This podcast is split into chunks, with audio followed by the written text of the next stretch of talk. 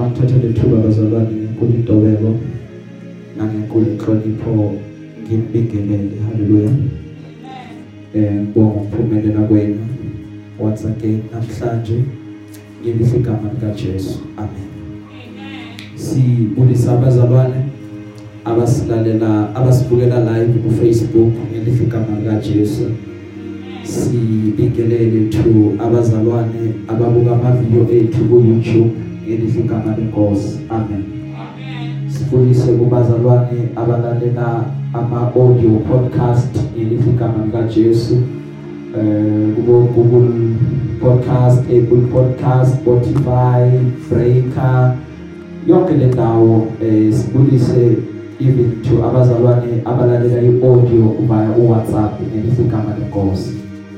Haleluya sibonga ukuphumelela kwenu bazalwane hlezi kuyisibusiso kuthina ukuthi nibe khona uma sizoshare izwi lenkosi sizohlephulelana isiqwa.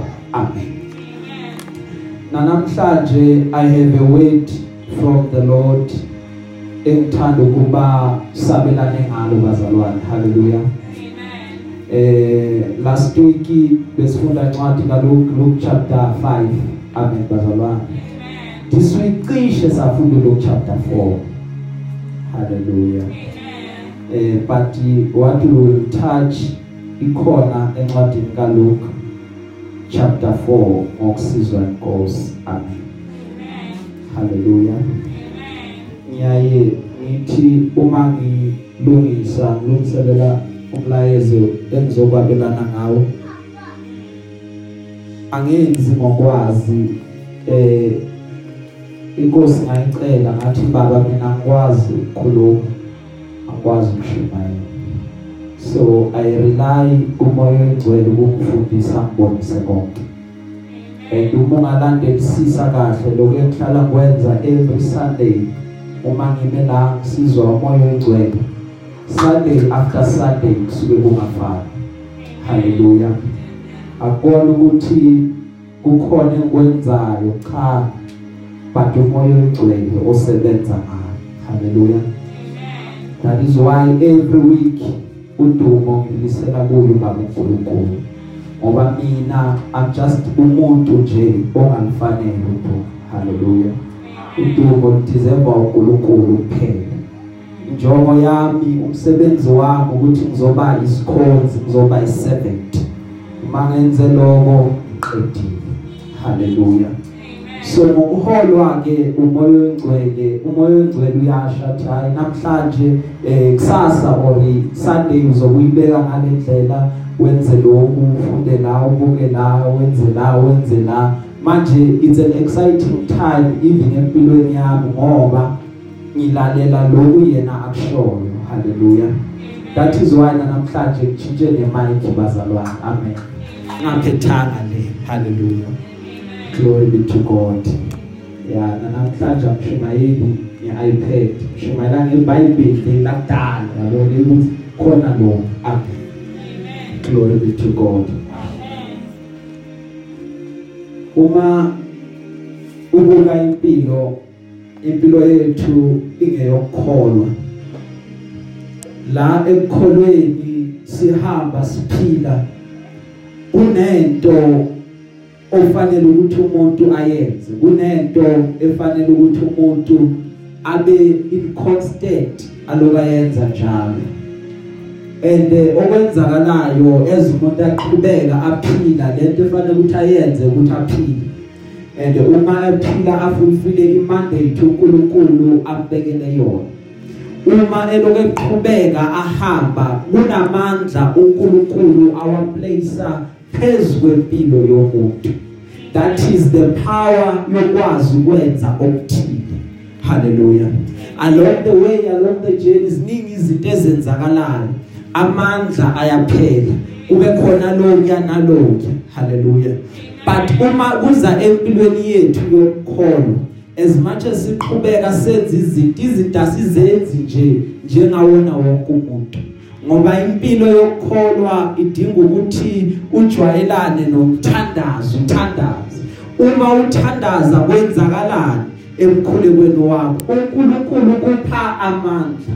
Lawo mandla lawo kuyaye athiwe lomuntu ukuze enze umsebenzi kaNkuluNkulu. Njengoba uNkulunkulu asemuphe amandla kusho ukuthi uNkulunkulu usemgcobile loyo muntu. That is why umuphila nje akuthiwa ucotshiwe haleluya but uma wenza umsebenzi wenkosi ushumayela ukhuleka uhlabelela baye bathi lo muntu lo ugcotshiwe wagcotshelwa lento ayenzayo. So lawo mandla wokwazi ukwenza izinto usemoyeni it is called the anointing. Amen glory be to god. amen so uJesu umefika bazalwane uyafika. Ufika nje uJesu uzogcwalisa into eyenzeka. Uzogcwalisa rather into ekhulunyiwe uzofulfila izwi eliprofethiwe abaprofeti bebakhuluma bathi khona ozayo bakhuluma bathi khona umsindiso zayo kwaIsrayeli uma efika yena uzogcwalisa lokho already esevele kukhona embhalweni ngoba izwi lakaNkuluNkulu alinawo amanga it doesn't contain amanga at all. That is why lithi iBhayibheli let every man be a liar but hayi uNkulunkulu ngoba njalo uhleza aqinisile amen. Umefika ke lithi iBhayibheli wathola uJohane ebhabhadisa uma uJohane ebhabhadisa eqale iministry yakhe before uJesu lithi iBhayibheli wasondela kuJesu. Uma esonde uma uJesu uJesu asondela kuJohane uthi kuye Johane ngibhabhadisa uthi uJohane akwazi. Mina ngibhabhadise wena akwazeki. Into engayenza ukuthi wena ubhabhadise mina. Angithi uye lo Johane ewathi ekhuluma ngaye wathi lo ozayo mina ngifanele ukuthi ngiyobopha even icathulo zakhe. Ngoba lo ozayo mkhulu kakhulu uyindodana kaNkuluNkulu. Bese uJesu mekhuluma naye uthi cha Johana babadisa mina ukuze lokubhaliwe kuzofezeka ukuze umbhalo uzoba fulfilled. If mina bengiyobabhadisa wena bengeke size sifulfile ini lokubhaliwe phansi okungumbhalo so udinga ukuthi wena Johane ubabhadise mina so that umbhalo uzoba fulfilled. Glory be to God bese lithi iBhayibheli uma embabadisa uJohane okwenzeka umoya kaNkuluNkulu wehla ineform yesimo sejuba the holy spirit because what you need ukuthi uqonde ukuthi lapha emanzini noma ku river Jordan bekade kukhona uNkulunkulu undodana. Undodana wathi mina angihambi ngingedwa. Kwamele ukuthi kuvuleke izulu. Maqeda kwehle umoya kaNkuluNkulu ngesimo sejubu. Ufika uhlale la ehlombe. Bese lithi iBhayibheli uNkulunkulu wathi angikwazi ukuthi ngithule uma laba babili sebaphansi balapha emanzini maqeda kwezwakala izwi elikhulumayo from emazulwini elithi lo indodana yami engithokozile ngayo yizweni so that umthathu bezulu maqeda bese bonke uyafakazela ukuthi surely this is the son of God amen. Sifundo Isaiah chapter 61 sizoqala ukufunda from verse 1 siyoma evesini ka11 Makabongwe Jesu. Namhlanje bazalwana ngizama ukuzokwenza okuningi but ngizomemezela indaba ezinhle. Hallelujah. Namhlanje ngizokwenzani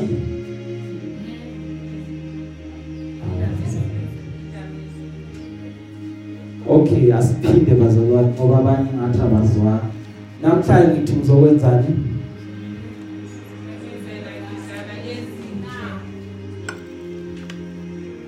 Hallelujah. Amen. I'm here to declare the good news. Glory be to God. Amen. There is nothing eshijipilo umuntu njengokuthathola indaba ezinhle.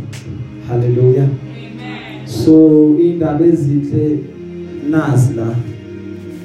Ilezi sizoyibuka la namhlanje. Haleluya amen. Lezi indaba ezinhle izona kanye lezoyidingayo empilweni yakho. Amen. Bakabonga Jesu. Amen. Eliphethe ngesilungu bazalwane bese sifundela the book of Isaiah chapter 61 from verse 1 to verse 11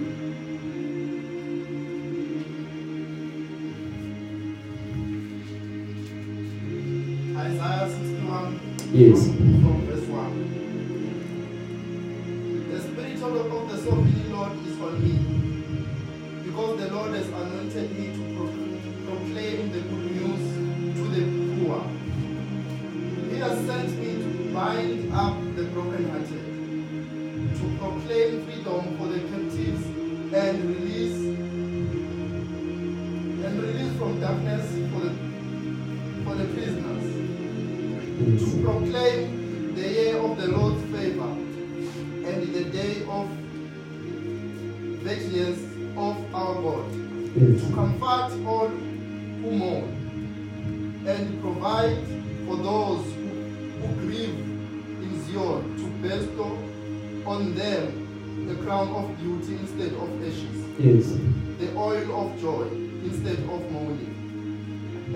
garment of praise instead of the spirit of despair. Yes. They will be called oaks of righteousness, a planting of the Lord for the for the display of his splendor. Yes. They will they will rebuild the ancient ruins and restore the places long devastated. Yes. They will renew the ruined cities and and that have been devastated for generations. Strangers will, shepherd, will shepherd your folds. Foreigners will work your fields and vineyards.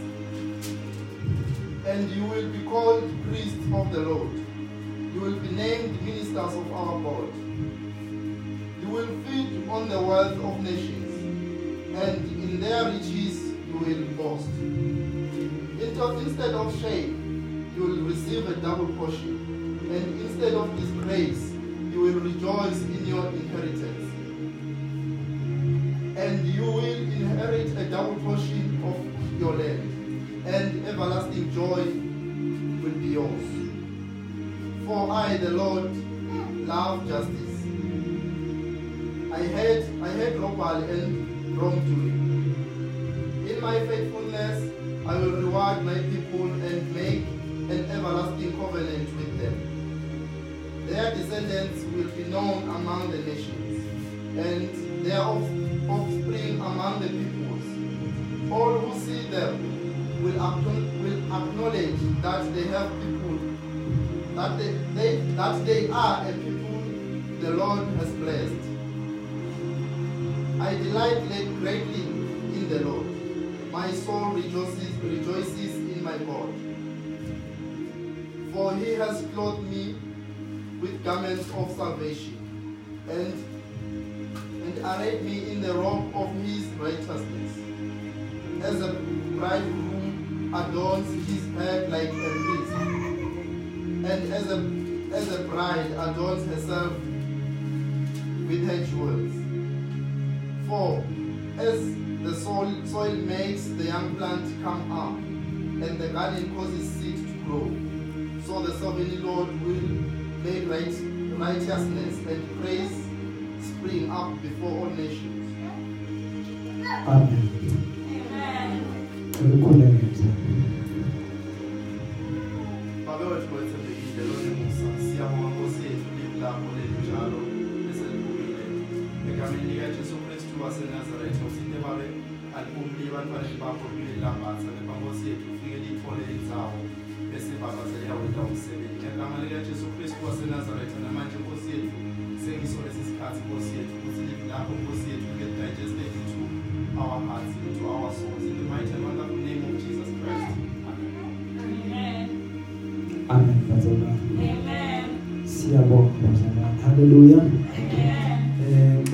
Ngicela ukuyifunda ngesizulu ngaphambi kokuba siqhubeke. Haleluya lithi izwi lenkosi umoya wenkosi uJehova uphezulu kwami.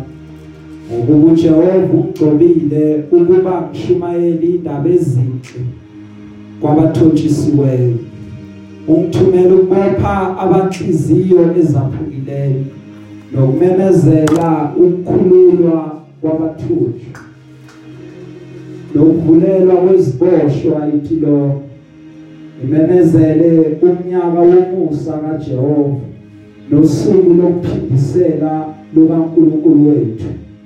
Ngiduduze bonke abalilayo yenza ukuba abalilayo esiyoni baphiwa amaqhele esikhundleni somlotha amafutha enjabulo esikhundleni somlilo ingubo yokudumisa esikhundleni somoya odaneleyo ukuze babizwe ngokuthi mithi yokulunga nokutshaliwe uJehova ukuba adunyiswe.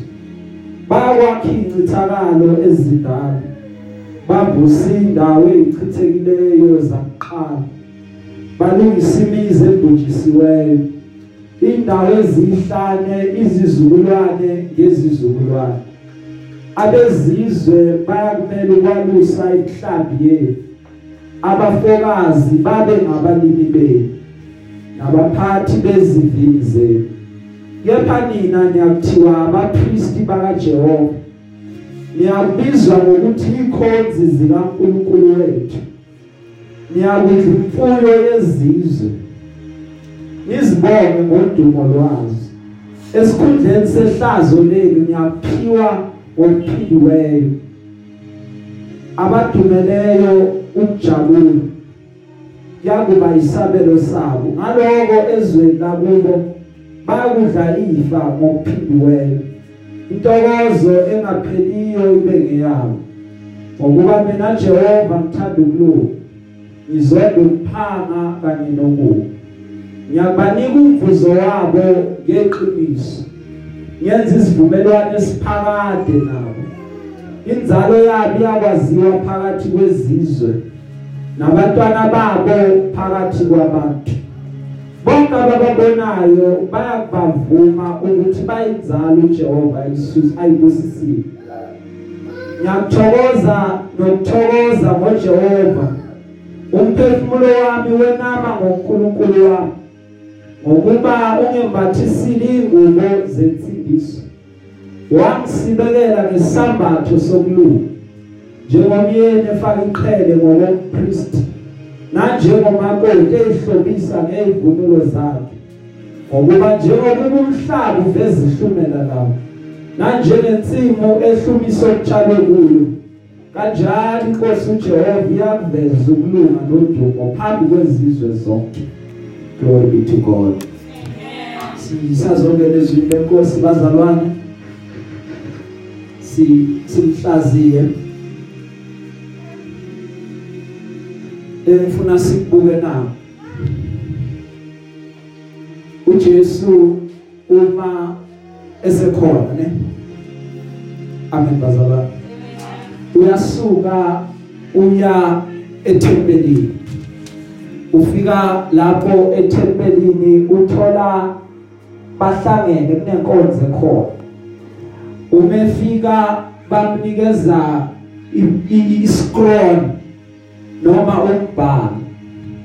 Uma ewuthatha lo mbhalo eqala ewufunda kuvela le ndaba ebuIsaya 61 uma echaza uthi uyasho ukuthi umoya wenkosi uphezulu kwami.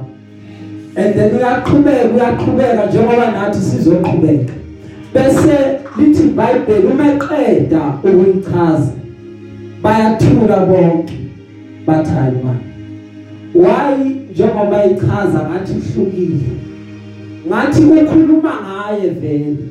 Bese kuba khona abathi akusiye yini lokubana kaJoseph? Manje amandla angaka usewathathile. Haleluya funa wazi ukuthi njalo umohamba noNkulunkulu? uNkulunkulu uyakwazi ukuthi aguqule indaba yakho. Labantu abebacabanga ukuthi bayakwazi bakremile. uJehova uyakwazi ukuthi aguqule uvele unamanye amandla. Baze babuze bathi ngani lo siyamazi? Cha bazi lo wakudala oyakadanga kaguqulwa wena uJehova sekunento afike kuwe wayiguqula that is why ungasafani. There is a song ethi oh he touched me and emva kwaloko impilo yami azange yaphinde yafana. That is why uJeremiah umekhuluma uthi Nkosi uNkulunkulu wenami wangahlula. Ngoba njalo uNkulunkulu umefika kunento ayenza kumuntu umuntu angaphinda fana Amen. Glory be to God. Amen. Ngizomemezela nje indaba ezinhle namhlanje bazalwane. Maqeda bese siyahlukana haleluya asiye emakethe kancane. Emakethe.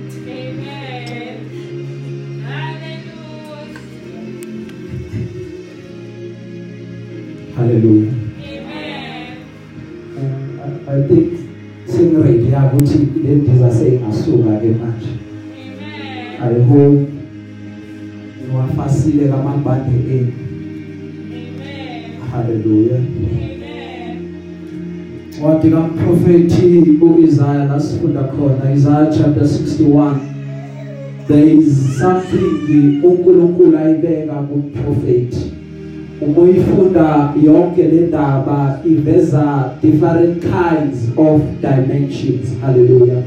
Lawe ngeke ngaze ngangena kuwo bathi kwaseqaleni lankamazwi amazwi akhulunywa uJesu la eqaleni okokuqala uthi uJesu uma ekhuluma umoya wenkosi uJehova uphezulu kwami ngokuba uJehova ungcobile ukuba ngishumayele indaba ezinhle kwabathotshisiweyo namhlanje angizami zokwenza okuningi nami njengoJesu ngizele ukuthi ngizokhuluma indaba ezinhle kulaba ababona ukuthi bathotshisiweyo kulaba ababona ukuthi abanalutho kulaba ababona ukuthi ingathi izinto uma bebuka ayihlangani kahle. But namhlanje ngizodeclare ukuthi umoya wenkosi uphezulu kwami uJehova ungcobile ukuba ngishumayele indaba zakhe ezinhle. Ngoba yebazalwane ugcobo alifani. Kukhona abantu abahambayo abanye baye kuma Bible school bayofunda bafundele ukuba abafundisi kukhona abanye abalaziyo iBhayibheli from Genesis to Revelations. But uh, that is not the defining factor. The defining factor ukuthi uqotshiwe yini ukuze ukwazi ukuthi ushumayele ngoba this uma sishumayela we are not just passing information. Kunabantu abangakhuluma nawe uma beqeda ukukhuluma nawe ungabi khona into eyenzakalayo. But uma kunogqoko ugqoko yilo lolo lunamandla olukwazi ukuthi luguqule impilo yomuntu until you understand ukuthi what I got was not just information but lento engiyitholile ibikade igcotshiwe inamandla. Ngakho ke impilo yami yakwazi ngiyakwazi ukuthi iguquke ngoba lezi indaba esengizwile izona indaba ezinhle ebekade ngizidinga ngoba sometimes you don't know ukuthi udinga indaba ezinhle. Sometimes uba comfortable esimeni sakho lokujwayela ukwamkela indaba ezimbi but praise God ngoba uNkulunkulu uyakukhumbula kahambele esimeni ozithola ukuso afika kulethela indaba ezinhle athi impilo yakhe izoguquka. Impilo yakhe ayisoze iphinde ifane. Wathi wamkela lezi indaba umbiza ukuthi uready yini to receive from the Lord? Amen. Hallelujah amen. Uthi uJesu mekhuluma uNkulunkulu umthumela ukubopha inhliziyo zalabo abaphukile. Amen. uNkulunkulu umthumile because abantu baningi bashayekile. Abantu balimele inhliziyo zabo zaphukile. But uNkulunkulu has anointed and appointed me ukuthi ngihambe ngiyoshumayeza labo bantu. That is why noPauli uma simuzwa ekhuluma uthi ukushumayela kwami it was it with enticing words but ukushumayela kwami bekade kunamandla okwazi ukuthi masayizwile izwi lifike likuhlabe. Uma qedwe ukuhlaba bese uyaphenduka ngoba yizwi lakaNkuluNkulu elikwazi ukuthi lingenelele empilweni yomuntu. Noma limele eshayekile but uNkulunkulu uyakwazi ukuthi afike uma sefika iguqula impilo yomuntu. Uthi ngize ukuzomemezela ukukhulula kwabathunjiweyo. Uke wa notice uke waqaphela yini angazi uke wabona ukuthi abantu baningi bathunjiwe. Uke wabona ukuthi baningi abantu abasedilongweni ziningi izinto ezibambe abantu. Baningi abantu abanamafoni amakholi mawangena basawaphendula. Ngoba bayawazi ukuthi aqhamukaphi aqhamuka from lezi zinto ezibabambile but namhlanje sizomemezela ukuthi bonke laba basetilongweni amaketanga wanqamuke ngegama lika Jesu bonke laba basejele bonke laba bathunjiwe ngegama lika Jesu waseNazaretha. Mabakhululeke ekuthunjweni kwabo. Glory be to God. Uthi Jesu mekhuluma ngizela kuzomemezela umnyaka womusa kaJehova. Usuku lokuphindisela kaNkuluNkulu wethu. Amen. Zomemezela umnyaka omuhle. This is the year of jubilee. This is the year la izinto zenzeka khona. That is why ungabe writer off unyaka ungawrite off ungakashaya umhla ka31 December 11:59 pm ngoba kukhona okusengenzeka.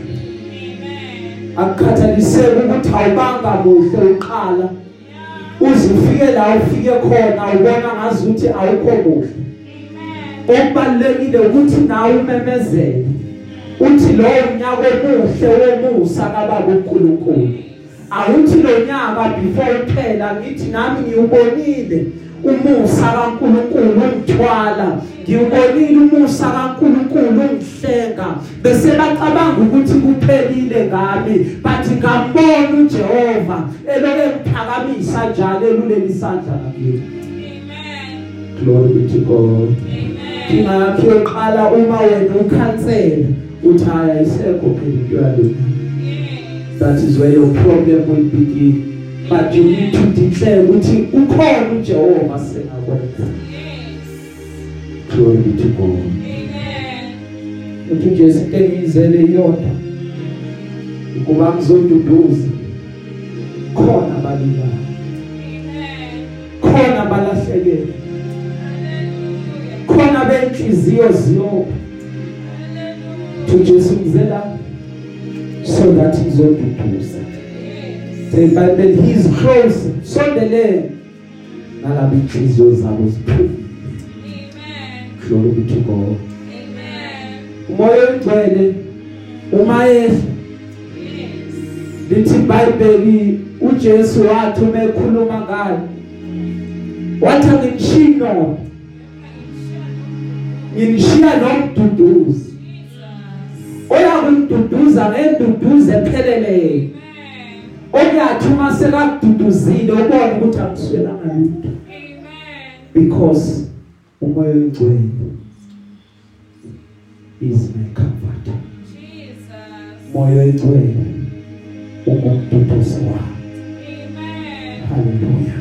Amen. That is why ngidla ngokusho ukuthi akhathaliseke ukuthi udlulaphi ungabonga izinto nezimo odlula kuzo. But wangathi ungabuka phezulu uthembe yena. Uthi inkosi wasazi lesi simo ongakabikho. Uyayazi indlela yokudlula kulesi simo. Namanje uNkulunkulu wami uzoyenza ukuba ngikwazi ukudlula. And for sure uNkulunkulu uzokwenza ukuthi ukwazi ukuthi udlule. Ngoba lithi iBhayibheli uNkulunkulu into azoyenza uzokwenza ukuthi labo bakhalayo laba balilayo baphile umqhele wegolide instead of ashes. Kuzoba khona i-turn around eyenzakalayo empilweni zabo. La sewucabanga ukuthi akusekho kuyakuba khona. La sewucabanga ukuthi kushabalele konke. But uNkulunkulu athatha umqhele wegolide awubeke ekhanda lakho athi you deserve this Amen. you deserve it Glory. amen Amen. yonke into enhle uyayideserve wena Amen. haleluya Amen. ube kuyibuze ukuthi bonke labantu abenza izinto ezinhle bonke labantu abahamba ngeemoto ezinhle bonke labantu abahlala emakhaya amahle Yes. bahluke ngani Amen. haleluya ukubona ukuthi ningabantu nonke niyafana kube nento nawe ozoyikhulekela specific. Uthi Jehova ngicela ungiphendele and Yes. izwe yami yobe nelisekile Jesus. haleluya Amen. Jehova will do it for you Amen. uNkulunkulu angeke azathula ngiyeke Yes. uma ubona ukuthi you deserve nawe kuhle you deserve nawe ukuthi mawubuka umoya wakhe enhlizweni yakhe nja ujabule Amen. uyakudeserve okuhle nawe Jesus. Glory be to God. Amen. akubona ukuthi izinto zenzakalela abantu abathile. Nawe you qualify inqobo nje uma ukhona. uJehova uyakupha bona. Amen. mara mehlakha angahlali kakhulu entweni afanele angayinaka noma entweni okuba ama addition ama bonus hlala kulezi zibasic Amen. then uNkulunkulu will keep on adding lama bonus Keep on adding kulowo kuswe Amen. hallelujah Amen. yaye ngithi mina noma ngikhuluma ngedwa ngithi komsiza ngani inkosi ukuhlala endlini enkulu uma ngisahlula ukuthina lo ongiphele Thank God. ngaphela kule enkulu kuyoba wesa amaromani Yes. akusho ukuthi enkulu ayizi yes Amen.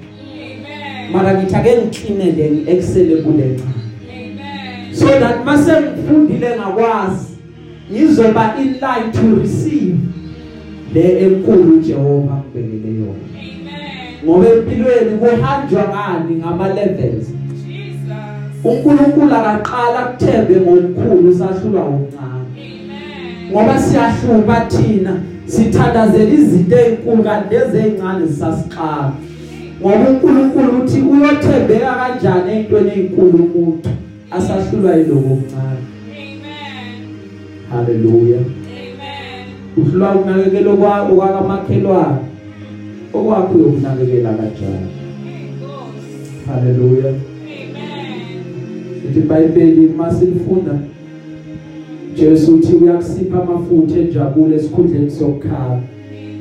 ingubo yokudumisa esikhundleni somoya odanile Jesus. one thing that can keep you one thing ezokwazi ukuthi igcine ikussustain ukufunda ukudumisa.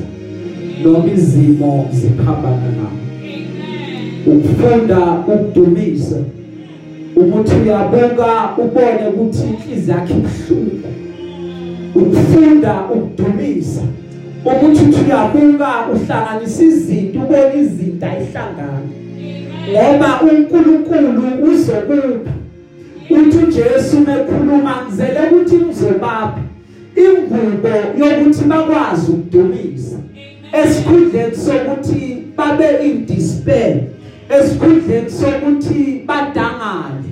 Ngoba mina nginamandla okwazi ukwenza konke. Jesus. haleluya Amen. lempilo idinga amaqhawe bazalwane idinga abantu abazokwazi ukuma uma kanjani uma izinto zingahambi ngendlela othanda ngayo uma ngokuthi uphambane nazo Amen. haleluya Amen. waphambana nazo uzokuma Amen. wahamba nazo uzoshona phansi Amen. glory be to God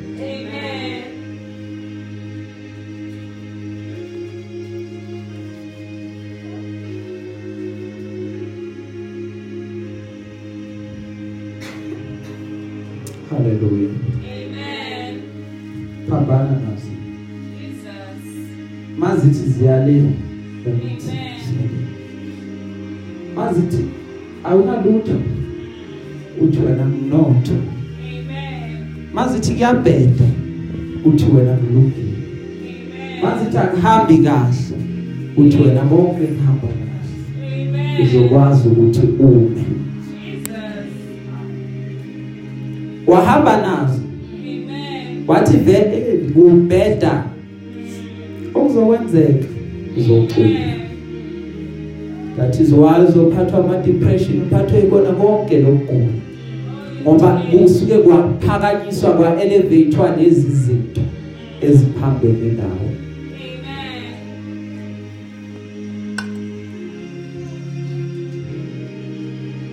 hallelujah Amen. in your life what will help you ukuthi umemezele okuhle kodwa Amen. Nabantu abasondelana nawe bazi ukuthi la siphila ngezinto ezinhle kuphela. Haleluya umesondela usondela uyazi ukuthi kuwe akuqhamuki izinto ezinegative but kuqhamuka izinto eziphilayo ngoba kunegama efanele ukuthi wena ubizwe ngalo. Lithi iBhayibheli wena uyabizwa ngokuthi umuthi wokulunga.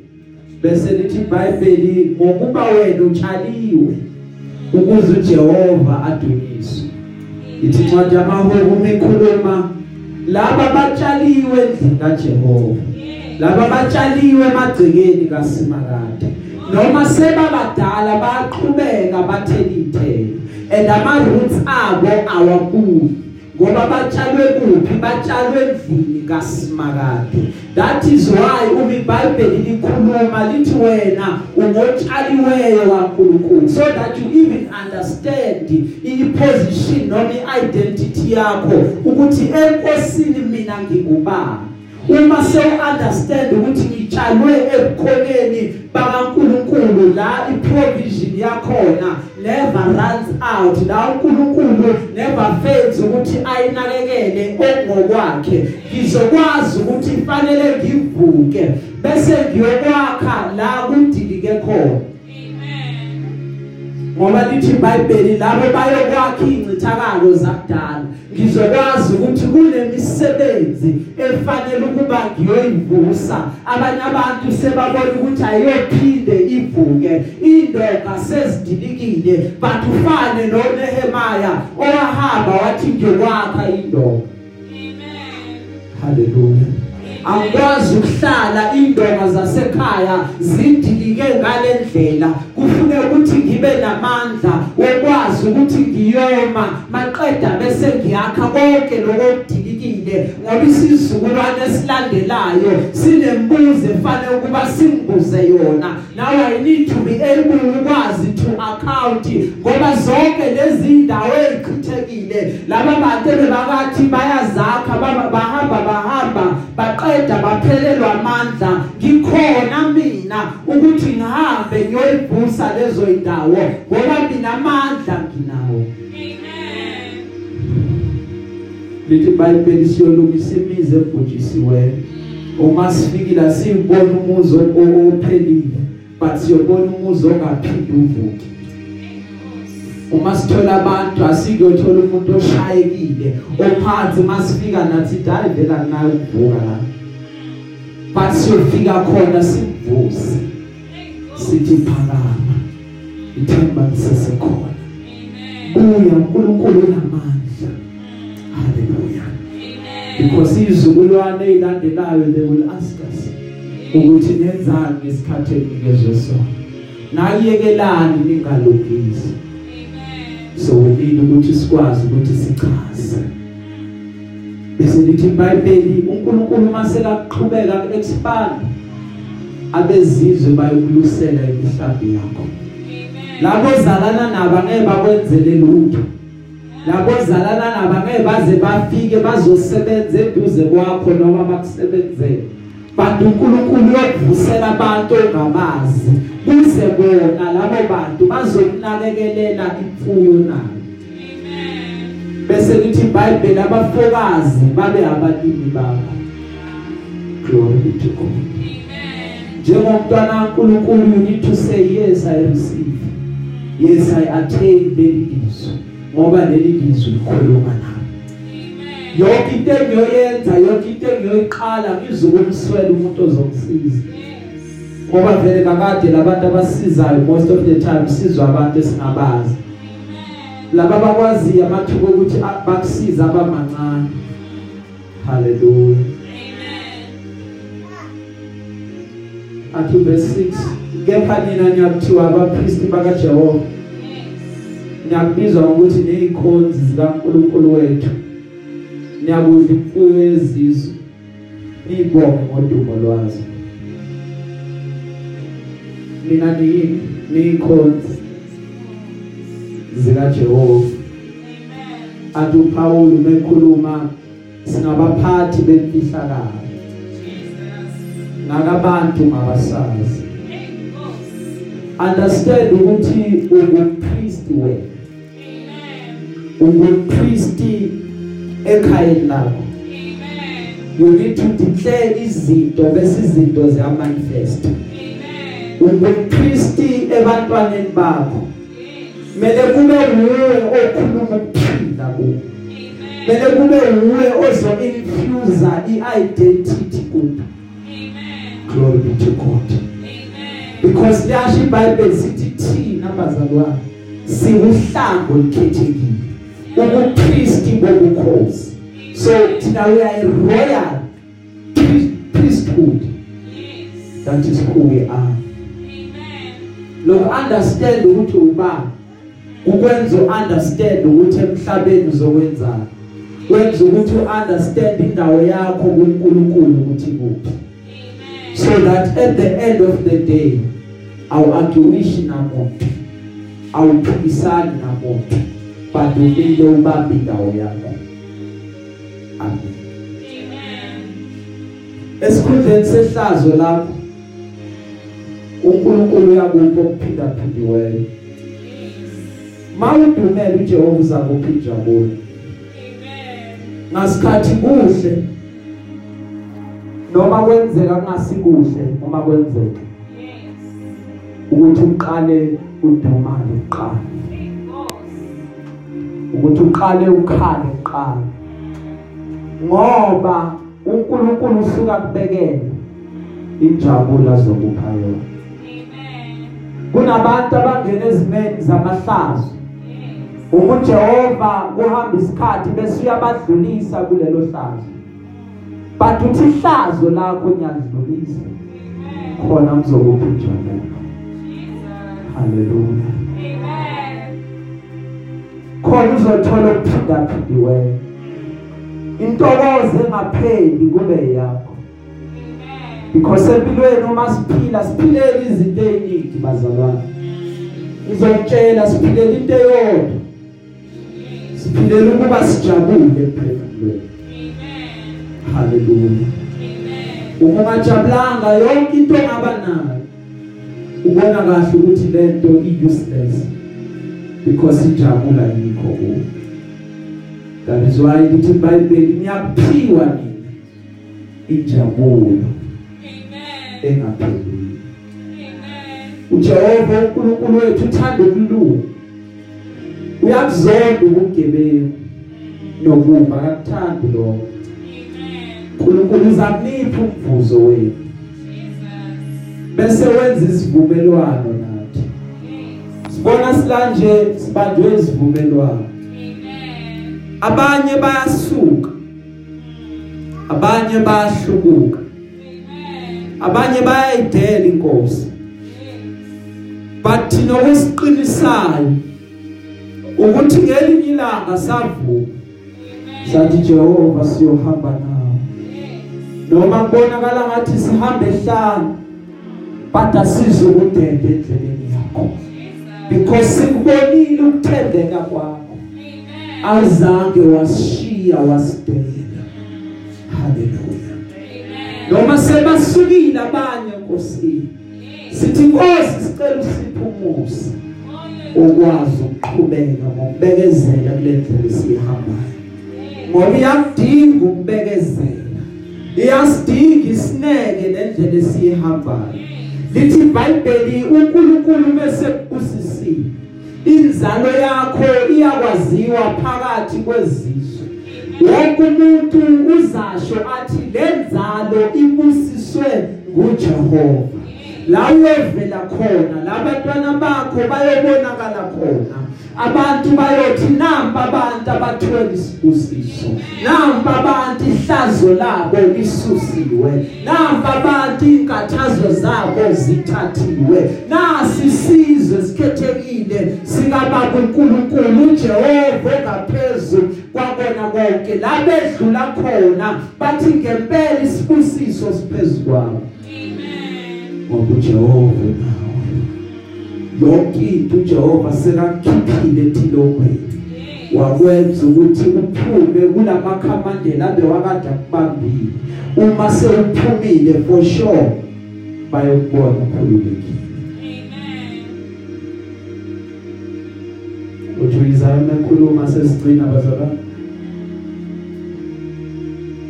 ngiyakuthokoza nokuthokoza ngoJehova. Phefumulo wami uye namba ngoNkulunkulu wami. Ngokuba ungembathisile ingubo yensindiso wangisibekela ngesambatho sokulunga njengoba yena efaka iqhele njengompriest nanjengomakoti eyihlobisa ngezivunulo zakhe. Haleluya thokoza ngoJehova jabule nkosini life is a series yama events enzakalayo most of wona ngeke uziwaguqule most of wona ungawaguqula. But noma udlula esimene sinzima noma usuku lwakho lungabanga luhle thokoza ngoJehova. Mawe enkosini kwangazi ukuthi ungakhohlwa konke. Shiye konke emuva uyohlala nenkosi ungavumeli lutho lungene phakathi kwakho nenkosi. Thokoze ngoJehova Jehova uzokusiza Jehova uyokwenzela okuhle konke ithi iBhayibheli yokubhathisa ingubo yensindiso yothi mawudlula ubonakala ukuthi uhlukile wena awufani nabo bonke abanye abantu. Ivesi lokugcina seligcina. Ngokuba njengokuba umhlaba uveza ihlumela lawo nanjengensimbi ehlumiso okutshalwe kuyo kanjalo inkosi uJehova iyakuveza ukulunga nodumo phambi kwezizwe zonke. Khona lento efanele ivele. Khona lento efanele ihlume. Khona lento umhlaba oyilindele odinga ukuthi manifested haleluya le iqhamuka kuwe khona lento uNkulunkulu afuna ukuyitriggerisha la kuwe ngaphakathi usekutshelile akithi ukuthi ungubani. Usekutshelile akithi ukuthi uzokwenzani empilweni yakho. So i change is imminent. Change is there. So lento ephakathi ayiqhamuki. Lento ephakathi ayihlume so that izobonakala. Because njengoJesu lithi iBhayibheli ubekade ayihlumela lika Jesu wasprouta from endlini kaDavid angithi uma eqhamuka from endlini kaDavid wakhula wakhula wakhula to a point la abantu izizwe zonke ziphuza khona. So nakuwe uJehova ufuna ukubonisa ukulunga kwakhe ezizweni zonke so that izizwe zonke zizophuza kulomthombo onguwe Amen. khululeka ngegama lika Jesu Jesus. uNkulunkulu uzowenza umsebenzi dinga ukuba ukhole kuphela Amen. question i always have uyakholwa yini? Amen.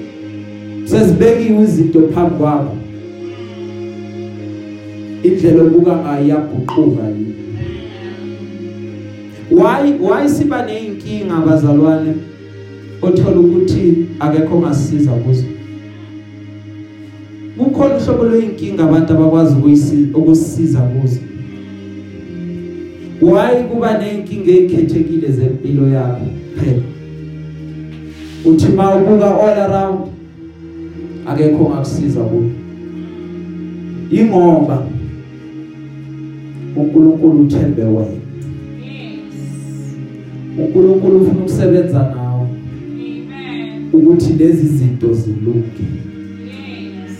uNkulunkulu ufuna ukuthi uhlale emkhulekweni uhlale ezweni ubone izimo zingalungi ungaphela amandla uqhubeke njalo. Bese uyangenelela kuqisimo sakho Amen. ngoba kunesimo sangalunga angeke wazi amandla angaphakathi kuwe Amen. glory be to God Amen.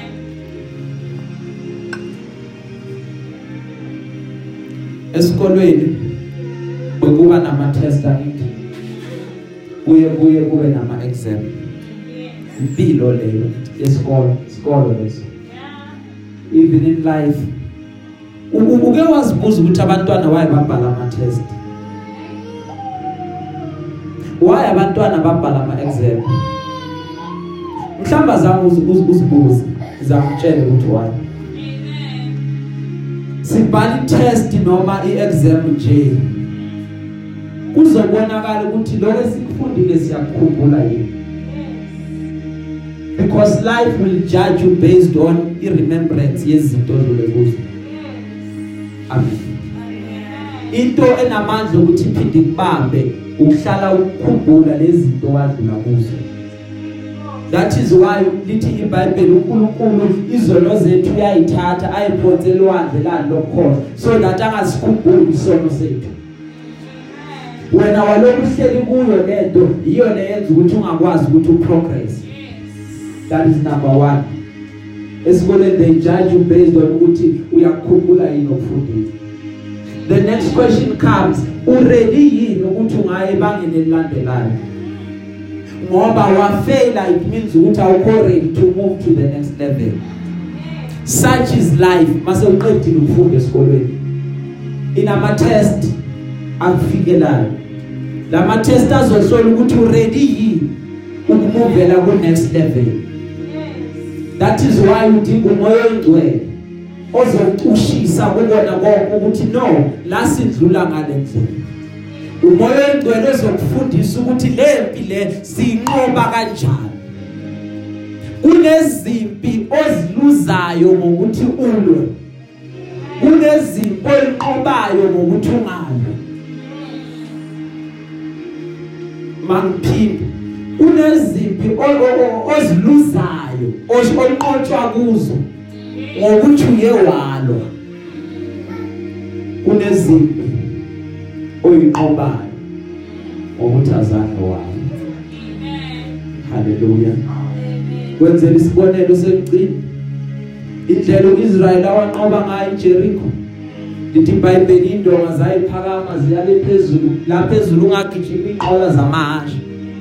Wathi umefika eJericho lithi iBhayibheli uNkulunkulu wakhuluma noMose wathi thathana abaphristi babeke phambili barawunde yonke le ndawo baloku bakhalisa lamahabho wabo. Ningakhulumi lutho lokunokuba nihuba ni round ni round ni round for 7 days. Laba base Jericho mhlawumbe bebathi impi siyayazi silungele. But uIsrael azange ayayolwa. nabo bathi kusenjalo becanga konke kuhle. Ngosuku lwesi7 bezu Israel ebangumsindo edumisa. Bathi basamangele yiloko babona indonga seyiwela phansi. Wangena uIsrael walinqoba iJericho Amen. kunezimpo zoyinqoba ungalwanga ngelinye ilanga kwabuzwa ukuthi inkosi kanti usikhohliwe yini? Kubuza uJehoshafati uNkulunkulu ephendula wathi impaksiyo yakho Yes. mina ukufanele kwenza ukuba nilungise bese niyadumisa nizobona izitha zenu zishayana zodwa. Zalwa izitha zabo zashalwa zashana zodwa ngoba uNkulunkulu athatha iconfusion wayifaka ezitheni zabo zanqobana yanqoba impi kaJehova. Amen. that's why you need the holy spirit. Ukuthi akusize uqobe izimpi zakho Amen. uma ungabuzi yena Yes. khona la uzodoya khona endleleni Amen. khona la uzobayiza khona glory be to God Amen. singasukuma bazalwane seliqedile ngizigama lika Jesu